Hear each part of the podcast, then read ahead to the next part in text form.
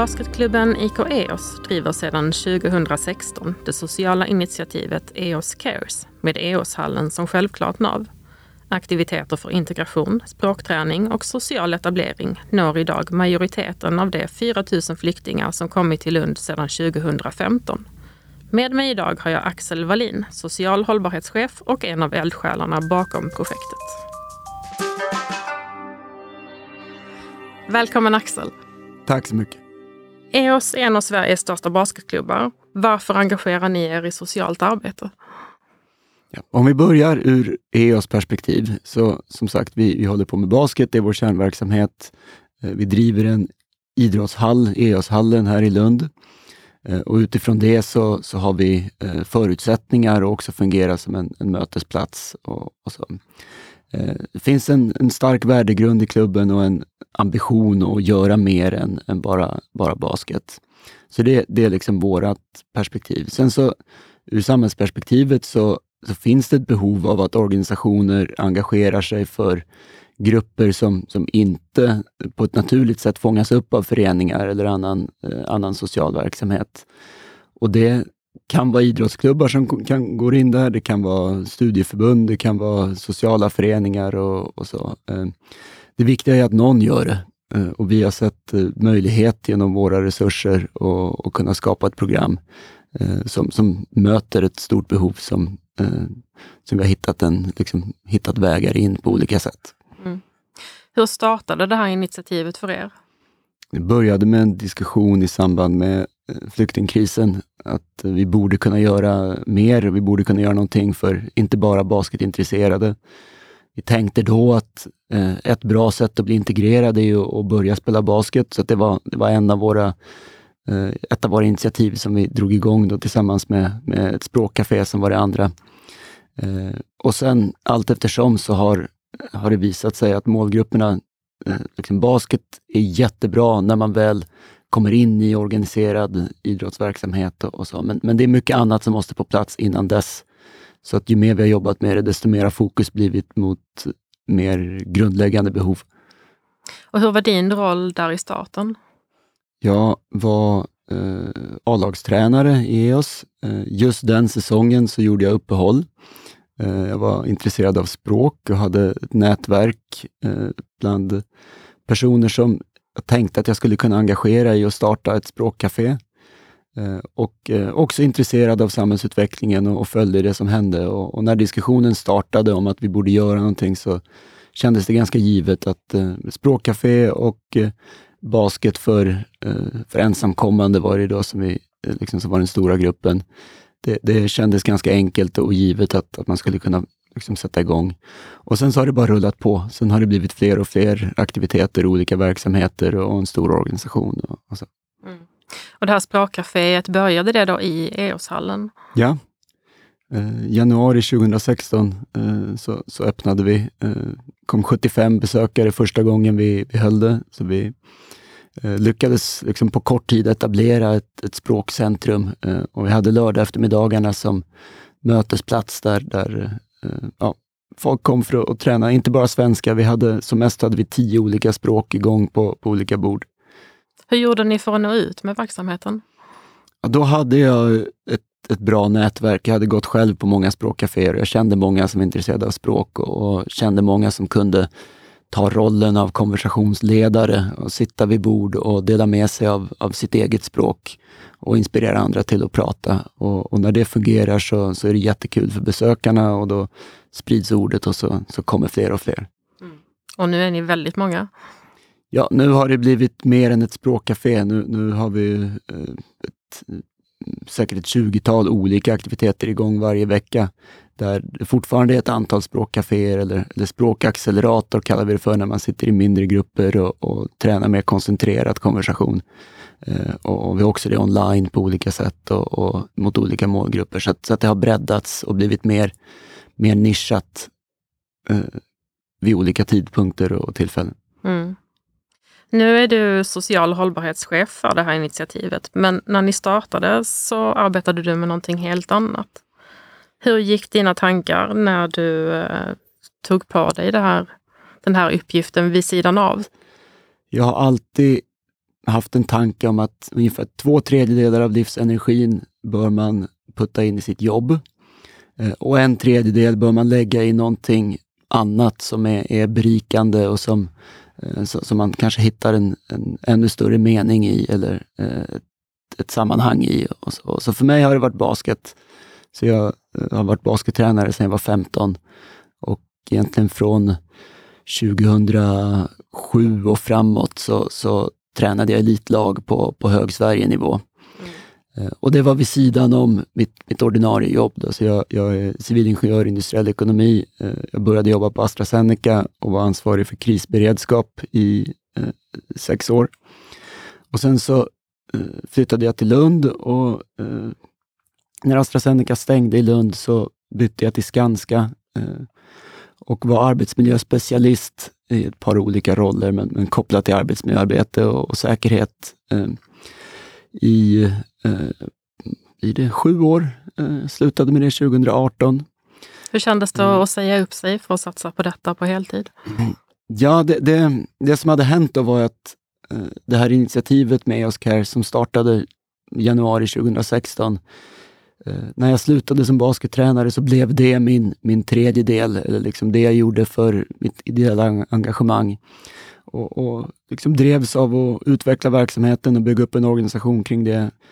Och efter ett par år så hade vi fått en, en volym som innebar att, att vi skulle kunna börja söka bidrag och kunna liksom gå över från en volontär organisation till en professionell organisation. Och det kändes givet att, att börja liksom börja rösta för att, finansiera organisationen och, och, så. Sen var det inte riktigt, det var inte alls givet att det skulle vara jag som skulle jobba med det. Eh, men, men ja, olika omständigheter gjorde att i ja, sommaren 2018 eh, så, så flög en boll i luften och, och då gäller det att spela på den. Eh, och, och det som hände när jag valde att börja jobba eller ta, ta det uppdraget, då var det till viss del så var det eh, arbetet i EOS. Det var också en möjlighet att hjälpa Skånes basketförbund eh, med eh, föreningsutveckling och socialt arbete kopplat till, eh, till det som Basketförbundet gör i Skåne. Eh, och eh, ja, ett par andra eh, initiativ också som, som eh, kan man säga drog mig bort från den ordinarie yrkeskarriären och som ledde till att jag, jag hamnade på EOS till slut. Mm. Kände du någon nervositet inför att säga upp dig från ett tryggt, fast arbete till någonting som var lite mer eh, flytande och eh, inte riktigt färdigformat? Det är ju, eh, alltså, det, det, är ju ett, liksom ett hopp från en klippa när man säger upp sig från liksom det som man jobbar med och det som är ens liksom, yrkeskarriär och den, den bana som man har liksom, jobbat för att skapa för sig själv. Och, och så. Så, så att eh, eh, hade man känt efter djupt så skulle nog den nervositeten kanske vuxit och, och tagit överhanden och, och, så. och samtidigt så, så måste man blicka framåt och man måste tro på de möjligheter som finns. Eh, och eh, eh det, det kändes som att det, det fanns ett stort driv och, och eh, en stor kraft i det sociala arbetet som, som utvecklades på EOS. Så att det, det, det, var svårt att, att, tacka nej till möjligheten och, och liksom göra det. Det var ju det jag gjorde på, på kvällar och, och helger annars och, och, nu kunde man börja göra det direkt på morgonen. Eh, och det, eh, det, det, var liksom svårt att stå emot när, när det kom upp. Mm. Vad har det inneburit för dig personligen att du vågade ta steget? Eh, det är ju eh, alltså, det är ju att gå från eh, en ett arbete som bygger på ett uppdrag eh, och, och, där man är ett, ett kugghjul i en organisation eh, till att eh, bli, liksom, eller ha ett arbete som bygger på frihet under ansvar, där, där man själv eh, fastställer åtaganden och ambitionsnivå och, och, så, och såklart har en, en stor frihet i hur man vill utforma det och, och vilka, eh, vilka initiativ man vill ta och vilka personer som man vill engagera i verksamheten och, och sånt.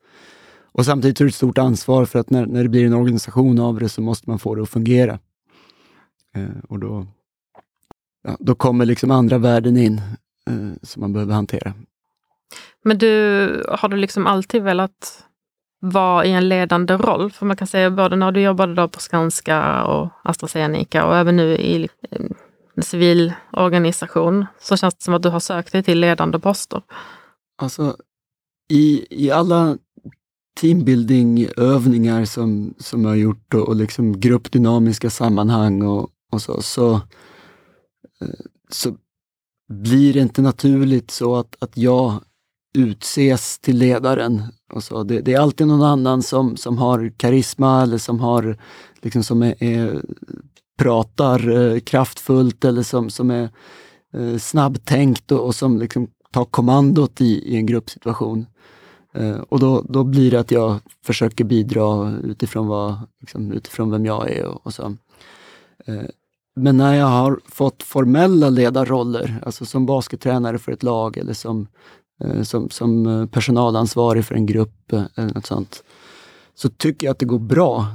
Eh, eftersom det formella ledarskapet innebär att jag, jag behöver inte liksom anta en personlighet som, som andra ska följa på något sätt. Utan då vet, då vet alla att det, det, liksom, det finns en trygghet i att Axel har ett ledaruppdrag och kan, kan agera på det och jag kan förbereda mig utifrån det. Eh, så, så, att jag, jag kommer mest till min rätt när jag har någon form av formell ledarroll, mm. tycker jag. Men är det inte ganska skönt att man inte behöver vara den där bredbenta ledaren som låter högt? Ja, alltså alla har ju, alla ledare har sin egen personlighet och sin egen stil och så. Och det, liksom gör man ett, ett urklipp när man tittar på en, en baskettränare eh, så kan man tycka att det här är en fantastisk coach. Kolla vad, vad, vad kraftfullt han pratar eller liksom vilken bra pedagogisk metod han hade där. Eller liksom, eh, så man kan alltid framhäva en, en ledare utifrån specifika insatser. Men i slutändan så är det resultatet som räknas och liksom alla ledare har sin egen väg till att nå resultat. Och Jag tycker att man kan, man kan bara bedöma ledare utifrån det helhetsperspektivet. Alltså, skapa ledaren en förflyttning i, i önskad riktning och upp mot, mot, vissa, mot vissa mål. För det kan vara så att den som man tittar på i, i tio minuter och blir liksom fängslad av vilka fantastiska ledars, ledaregenskaper den har där och då, den vinner inte matchen eller den vinner inte serien eller något sånt. För, för att det finns så mycket annat som spelar in för gruppens utveckling. Eh, så, så det, det är väl en, en trygghet tycker jag, att, att man behöver inte framstå som någon annan eller man behöver inte liksom, ansätta några egenskaper för sig själv utan, utan man kan bara fokusera på att gruppen ska så, så långt den kan eller den ska nå sitt mål på, på snabbast möjliga sätt och så gör man vad man kan för att bidra till det utifrån ens, de förutsättningar man har. Mm. Ni började bygga upp verksamheten under den första flyktingkrisen och sen några år senare så bröt kriget i Ukraina ut och då utökade ni er verksamhet ytterligare. Kan du berätta någonting om det? Ja, det var, eh, mm. det, det, det, var en, en bra erfarenhet, även om vi inte var... Det var många föreningar i, i Lund som gjorde mycket mer än EOS i, eh, i samband med flyktingkrisen. Det var ju liksom precis då vi, vi startade upp, men det var ändå att vi kom in så att man kunde se eh, de utmaningar som fanns och, och den, liksom, de behov som, som fanns inom civilsamhället för, för koordination och, och styrning och samverkan med kommunen. Och, och så, så, så, att vi kunde vara med och fånga upp lärdomar och, och erfarenheter ur, ur det. Mm. Eh, Vad gjorde ni konkret? Eh, det, det, som hände då i, i, i mars 2020, eh, 2022 var att, att vi såg att det kommer förmodligen bli en flyktingkris i någon omfattning. Eh, alltså tillräckligt för att det kommer krävas en koordinering och en, en samordnad insats både från kommun och, och civilsamhälle. Och eh, Eh, vi, vi tog eh, tidigt initiativ att skapa ett, ett arrangemang i Åshallen för att bjuda in, och, och, bjuda in ukrainska flyktingar och bjuda in samhällsengagerade och få en första kontakt med, med den målgrupp som hade, hade kommit på bara ett par veckor. Och det gjorde att vi fick eh, eh, kontaktpersoner inom målgruppen eh, och att vi fick kontakt med de viktigaste föreningarna som ville vara med och att eh, vi kunde sätta oss med kommunen och göra en, en plan tillsammans. Mm. Eh, och ganska snabbt så, så, insåg vi att det behöver finnas en mötesplats för att allt det här ska kunna ha en, en fysisk plats och utgå från så måste vi skapa ett, en plats som flyktingar kan samlas kring och där föreningar och andra eh, stödorganisationer också kan mötas. Och, och inom, inom en månad så hade vi både mötesplats och organisation igång eh, och har sedan kunnat driva en, en omfattande hjälpinsats för, för ukrainska flyktingar. Så det var verkligen tvärt hur det gick 2015. Eh, där, där det saknades eh, fysiska mötesplatser, det saknades koordinering, saknades initiativtagare och många ville hjälpa till men, men, men liksom alla sprang på de bollar som de såg och, och utgick från vad man själv kunde göra och det fanns inget, uh, inget helikopterperspektiv. Så, så att det, Upplever det, du att man hade lärt sig någonting då från den första krisen som man hade med sig? Att det var kortare startsträcka andra gången så att säga? Jag skulle säga att nu med ukrainarna så gjorde vi rätt från början. Och, och vår organisation hade uh, liksom sett hur det gick första gången och byggt upp uh, arbetssätt och metoder och, och liksom idén om att, att, anställa personer ur målgruppen, alltså anställa flyktingar för att jobba med att hjälpa andra flyktingar. Det hade vi etablerat sedan flera år och, och det handlade liksom bara om att få förutsättningar att tillämpa det på målgruppen ukrainare. Eh, och, och, när det föll på plats så, så, så hade vi liksom alla pusselbitar uppe. Mm. Och lokalen vid Botusplatsen, vilken verksamhet var det som fanns i den? Det var en öppen möte öppen mötesplats för ukrainska flyktingar. Eh, så att eh, alla som kom till, till regionen eller till Lund eh, fick information om att där, liksom, där kan man träffas och, och prata med likasinnade. Så att det var en, en social gemenskap som var själva, själva basen. Vi fick igång en välgörenhetsinsamling som vi döpte till Ukraina-given, som möjliggjorde för att vi kunde bjuda på lunch i lokalen. Och det hjälpte också flyktingar. Det fanns ett starkare incitament för flyktingarna att komma dit och, och träffas. Eh, sen så var både kommun och andra föreningar och ukrainarna själva hittade privatpersoner och andra resurser som kunde komma dit och berätta om olika saker, alltså hålla informativa eh, presentationer eller rådgivning, eh, både, både i grupp och individuellt. Och sen blev det också eh, sociala aktiviteter som teatergrupp och, och sådana saker som, som vi kunde använda mötesplatsen till. Vilken betydelse tror du att det har haft för ukrainarna att de har haft den här samlingsplatsen? Jag tror att det var till att börja med helt avgörande för att det skulle skapas någon form av organisation bland ukrainska flyktingar. Eh, jag tror att, alltså många har uttryckt att eh, att det finns någonstans där man kan känna trygghet och att uh, man kan sitta och prata och att, uh, att det finns en plats liksom, med, med ukrainska flaggan på dörren. som uh, alltså, Psykologiskt så tror jag att det hade en stor betydelse, att det fanns en, en trygg plats där man kunde samlas. Mm. sen sen en, en jättestark upplevelse, jag blev, blev varm när jag såg eller, den julfesten som eh, eh, ukrainska communityt hade, eh, de fyra ortodoxa julen den 6 januari, eh, som skedde med hjälp av eh, en insamling från, från julgiven som var liksom nästa version av Ukraina-given kan man säga. Och, och 200 ukrainare kunde träffas och fira jul tillsammans och, och äta sin egen mat eh, och, och, känna att just den kvällen så, så kan man bara liksom komma samman och fira jul och, och, äta gott och ha trevligt trots allt som sker i, i världen och i deras hemland. Och så. Men det värmde att, att vi kunde liksom ha ett sånt nätverk med kapacitet och samla eh, en stor grupp och, och göra någonting eh, som, som betydde mycket för dem. Mm. Vilket stöd har ni från kommunen och näringslivet när ni skapar de här upplevelserna? Vi hade jättebra samarbete med kommunen eh, i uppbyggnaden av mötesplatsen och i också vad gäller resurssättning av mötesplats och eh, vår organisation av ukrainare. Vi har fortfarande idag så är det ett, ett eh, eh, projekt som finansieras av Länsstyrelsen Skåne, eh, men som kommunen har sökt eh, som, som möjliggör att vi har ukrainare anställda som, som driver den här verksamheten. Eh, och Eh, eftersom jag har jobbat med insamlingar också så har vi fått eh, eh, bidrag från kanske inte så mycket näringsliv. Ett par företag har varit engagerade, men, men framförallt privatpersoner och engagerad allmänhet har, har bidragit. Nu har det gått två år väl, är det väl? Måste ja, det, det, ja. precis nu, nu var det, var det igår eller i förrgår som det annonserades att massflyktsdirektivet förlängs nu ett år till. Mm. Så det, det ja, snart två år. Uh, och hur, ser, uh, hur ser den delen av er verksamhet ut idag? Uh, det är en, en grupp, vi, vi kallar dem för community managers. Så det, just nu så har vi tre Ukrain, ukrainare anställda som, som själva har kommit som flyktingar och som har blivit eh, eh, jätteskickliga i att navigera eh, i, i liksom samverkan med kommuner och, före, kommun och föreningar och andra organisationer här i Lund.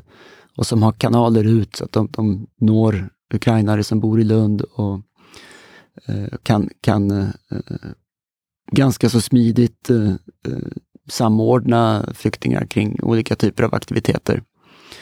Eh, och sen så, så hjälper det att kommunen skapade ett boende där eh, många ukrainare som anvisades, anvisades till Lund, eller många som redan bodde i Lund, fick, fick boende där. Och, och, men eftersom det också finns en, en samordning kring boende så, så blir det också lättare att, eh, att jobba med, med ukrainare som en enhet. Mm. Man får känslan av att när det händer någonting i samhället så tar ni ett steg framåt. Hur skapar man en organisation med den kulturen? Så allting kommer från våra, eh, våra medarbetare som själva tillhör de målgrupper som vi vill jobba mot. Eh, så, så att det är, eh, det är de som ser behoven och som organiserar sig för att, att möta det. Ett jättestort område, vi kallar det för samhällsrådgivning, men det är, i praktiken så innebär det att hjälpa nyanlända i myndighetskontakter så läsa brev, svara på brev, ringa till myndigheter och reda ut olika ärenden och, och så. Och det, det finns ett, ett, enormt uppdämt behov, inte bara i Lund utan säkert över hela Sverige. Och så. Men, men eftersom våra medarbetare allt eftersom lärde sig att navigera i, i det här eh, landskapet mellan föreningar och, och myndigheter och så, så blir de eftertraktade i sina nätverk. Eh, och för att för att skydda våra medarbetares eh, liksom, arbetssituation och, och privatliv och, och, så, så skapade vi samhällsrådgivning som en aktivitet. Mm. Så att alla som har behov kan då hänvisas till en tid och en plats och det är där, dit man kommer och så tar man med sitt ärende och så får man hjälp där på, på plats.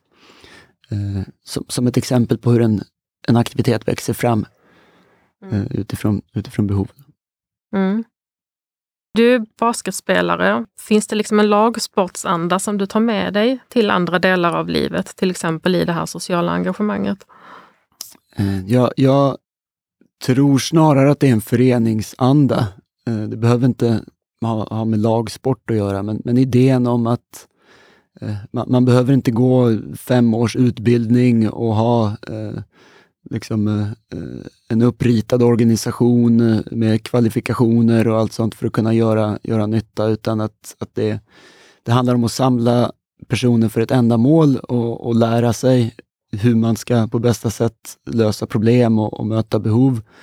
Och hela tiden få in fler och, och liksom lyfta personer genom att komma in, eh, lära sig, eh, liksom learning by doing och, och sen gå vidare till, till nästa eh, fas i livet och, och nästa uppdrag och, och, så. Men, men genom att, att, tänka som en förening, att vi behöver hela tiden rekrytera nya, vi behöver hela tiden inspirera och, och eh, engagera folk eh, och utveckla folk så att, så att de som är nya kan ta över från de som har varit, varit med längre.